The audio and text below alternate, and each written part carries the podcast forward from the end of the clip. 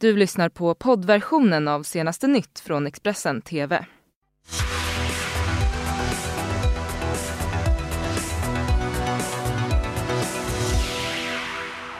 Tvåan. Välkommen till senaste nytt med mig Karin Bülow Det här är morgonens rubriker.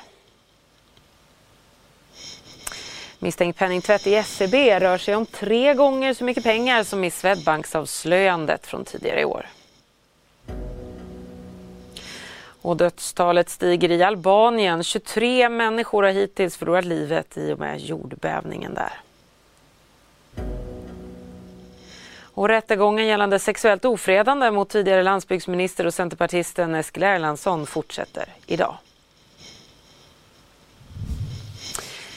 Men först kan vi berätta att två män har anhållits misstänkta för mord efter ett bråk i Norrköping igår.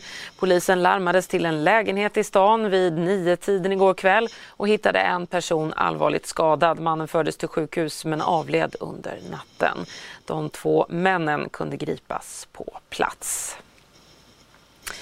Så till SVTs avslöjande nu på morgonen. Kunder i SEB med kontum i Baltikum misstänks ha tvättat pengar från grov ekonomisk brottslighet genom den svenska storbanken. Det avslöjar alltså Uppdrag granskning och TT idag. Motsvarande närmare en halv miljard kronor har slussats genom bolag till en av världens mest kända penningtvättshärvor och till konton i SEB. Det är tre gånger så mycket pengar det handlar om som i fallet med Swedbank som avslöjades i februari i år och som resulterat i omfattande utredningar världen över. SEBs VD Johan Torgeby skrev i ett pressmeddelande som sent, eh, så sent som igår kväll att han inte kan se att banken har blivit systematiskt utnyttjad för penningtvätt. Vi har agerat, lyssnat på de signaler vi fått och vidtagit åtgärder, skriver bland annat Torgeby. Mer om det här blir det under sändningen under dagen. Så utrikes nu.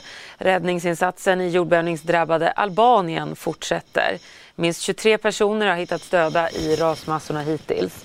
Många är fortfarande saknade och 600 ska ha skadats. Omkring 300 militärer och närmare 2000 poliser har mobiliserats i och med räddningsarbetet. Samtidigt assisterar räddningsteam från närliggande Grekland, Italien, Rumänien, Kosovo, Serbien och Montenegro på plats. Efter den initiala jordbävningen, som är den värsta som drabbat landet på flera decennier, kom omkring 250 efterskalv, varav två hade en magnitud på 5. Spansk polis har gjort ett tillslag mot en ubåt med tre ton kokain ombord värt 1,2 miljarder svenska kronor. Tre besättningsmän har även gripits. Spansk polis misstänker att det är en stor liga som ligger bakom smugglandet då ubåten i sig kostar 26 miljarder, miljoner menar jag såklart. Det här tros vara den första gången som en ubåt har använts för att smuggla knark över Atlanten. Idag fortsätter rättegången mot Eskil Erlandsson. En rättegång som inleddes eh, redan eh, i måndags där han står åtalad för flera fall av sexuellt ofredande. Eskil Erlandssons försvar under inledande rättegångsdagen? Jo, att han lider av en så kallad vikingasjuka. Den tidigare C-toppen Eskil Erlandsson åtalas för tre fall av sexuellt ofredande och på måndagen inleddes huvudförhandlingen i Stockholms tingsrätt. Åtalet gäller tre fall av sexuellt ofredande på tre olika kvinnliga politiker.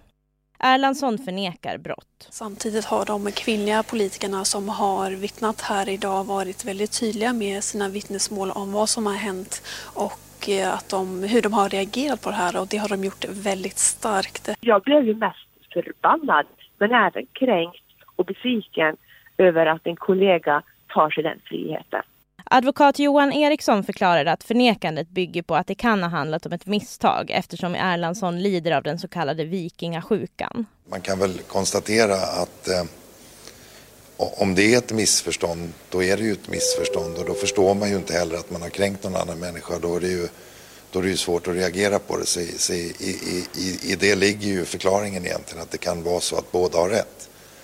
Eh, han har rätt och kvinnorna har rätt så tillvida att de har känt sig kränkta av hans beteende men det har inte varit med avsikt och då kan båda ha rätt. Målsägande beträde Sabina Bö berättar för Expressen efter den inledande dagens förhandlingar. Mina klienter har berättat bra och deras uppgifter stöds också av bevisningen i målet, alltså det vill säga andra vittnen.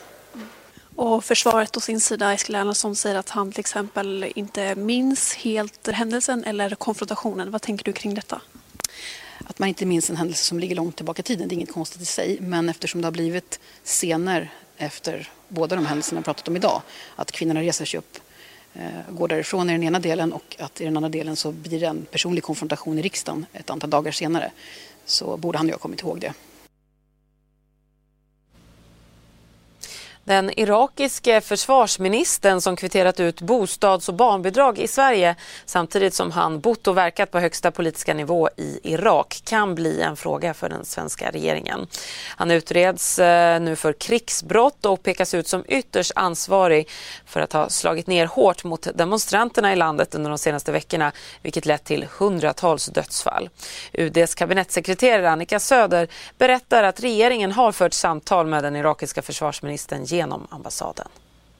Vi delar eh, problemen med de uppgifter som finns om Iraks försvarsminister. De har vi också tagit upp med honom direkt genom vår ambassad igår. Och nu arbetar de olika myndigheter som är berörs av det här med att eh, få klarhet i vad som har hänt. Försäkringskassan, Skatteverket eh, och naturligtvis Åklagarmyndigheten när det gäller de, de misstankar om brott som föreligger. Hur påverkas relationen till Irak av att eh, försvarsministern är svensk medborgare och dessutom misstänkt för en rad brott?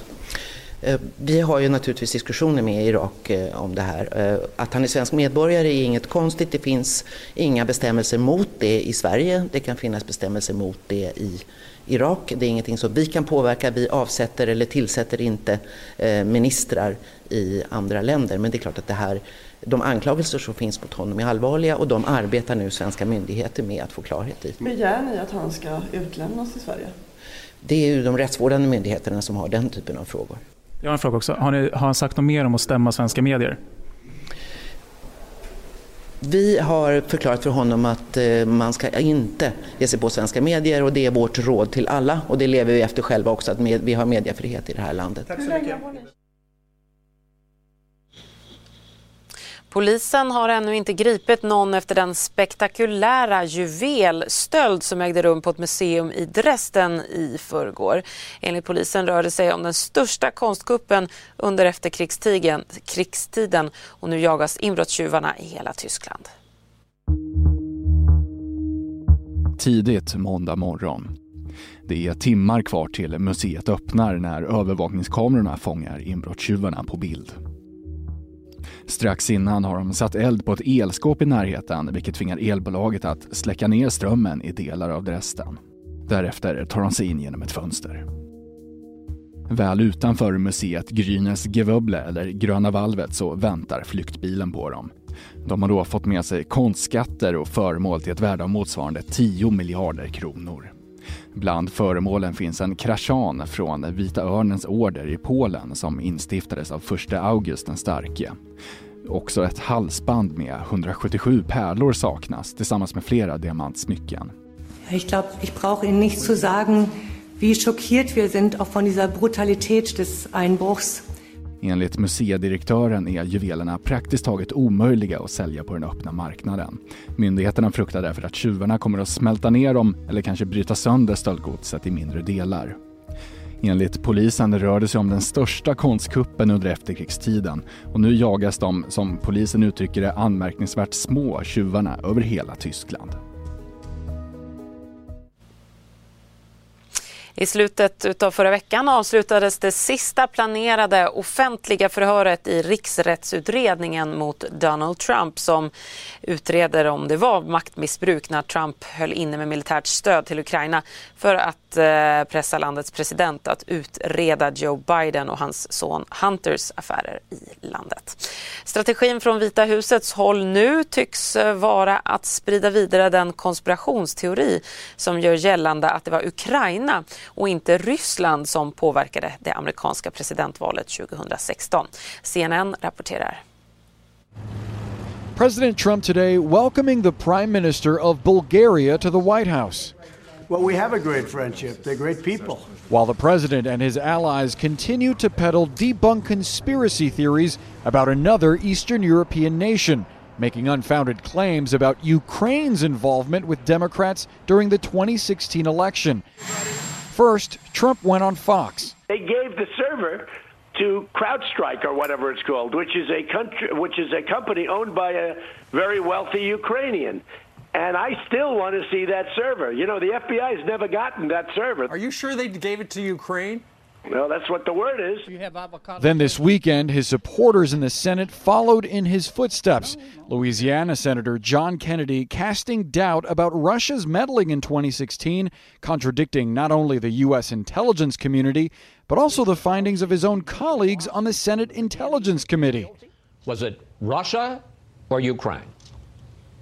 I don't know, nor do you, nor do any of us.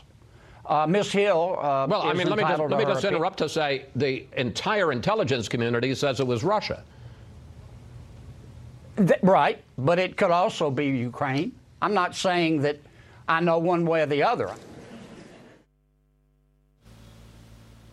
Och vi stannar kvar inom amerikansk politik. Utredningen kring eh, Trump som även satt ljuset på Joe Bidens son Hunters affärer i Ukraina kan ha påverkat Hunters pappas politiska popularitet negativt. Och nu kommer ytterligare komprometterande uppgifter. Den amerikanska tidningen New York Post rapporterar att Hunter Biden ska ha rökt crack på en strippklubb i Washington DC. Händelsen ska ha ägt rum samtidigt som han satt i styrelsen för ett gasbolag just i Ukraina. Hunter Biden har tidigare berättat att han varit på behandlingshem för alkoholism och drogmissbruk. Kinesiska myndigheter har stoppat filmskaparen eh, Nisti Stärk från att visa sin film Blott Sverige, svenska komedienner har, i Kina. När arrangören flyttade evenemanget till en liten bokhandel istället så stormade polisen även den lokalen. Åtgärden ska ha varit en bestraffning för Svenska Pens pris till den fängslade förläggaren Gui Minhai som kulturministern delat ut. Det var väldigt obehagligt att ha poliser som stirrar på dig. Inspektera, stirrar verkligen på mig. Eh, och så började de gå runt. En stod där bakom, en annan var liksom framför. Och så den här lilla damen som blev korsförhörd. Eh, och komedierna som blev oroliga. Och då försöker jag lätta upp stämningen. Säga, yeah, well, okay, let's talk. Och så pratar vi lite om hur det är i Kina och här. Och det var obehagligt faktiskt. Att de kommer inte ens civilklädda utan de kommer ju där och visar, här är vi. Men eh, det är sorgligt faktiskt att det ska vara så. Alltså det, det, det, vad de sa, vissa av de här feministiska aktivisterna, sa att de vill inte göra en stor grej genom att de ger det visum, men de vill, de vill hon sa så här, they will punish Sweden with like this, small, small, small things. Och eh, ja, jag tror att de har rätt, att det är så här. Eftersom det var ju det som var eh, diskussionen om att det här prisutdelningen kommer infektera relationen mellan Sverige och Kina. Eh, och det verkar vara på gång just med min film om komedienner. Ja. Kulturministern Amanda Linds prisutdelning till Gui Minhai alltså. Ja, precis. Och det som är absurt är att nu på fredag så ska vi visa filmen på Sveriges riksdag och eh, tillsammans med Amanda Lind och Miljöpartiet som har bjudit in med komediennerna. Fyra, fem dagar efter att den har blivit förbjuden på grund av den här eh, prisutdelningen och så ska vi vara i riksdagen. Om de bara visste det, då hade de väl nog spärrat in mig. Ja. Mm, och med det sätter jag punkt för den här nyhetsuppdateringen. Du har lyssnat på poddversionen av senaste nytt från Expressen TV. Till förordnad ansvarig utgivare är Klas Granström. Ett poddtips från Podplay. I fallen jag aldrig glömmer djupdyker Hasse Aro i arbetet bakom några av Sveriges mest uppseendeväckande brottsutredningar. Går vi in med hemlig telefonavlyssning och, och då upplever vi att vi får en total förändring av hans beteende. Vad är det som händer nu? Vem är det som läcker? Och så säger han att jag är kriminell, jag har varit kriminell i hela mitt liv men att mörda ett barn, där går min gräns. Nya säsongen av Fallen jag aldrig glömmer på Podplay.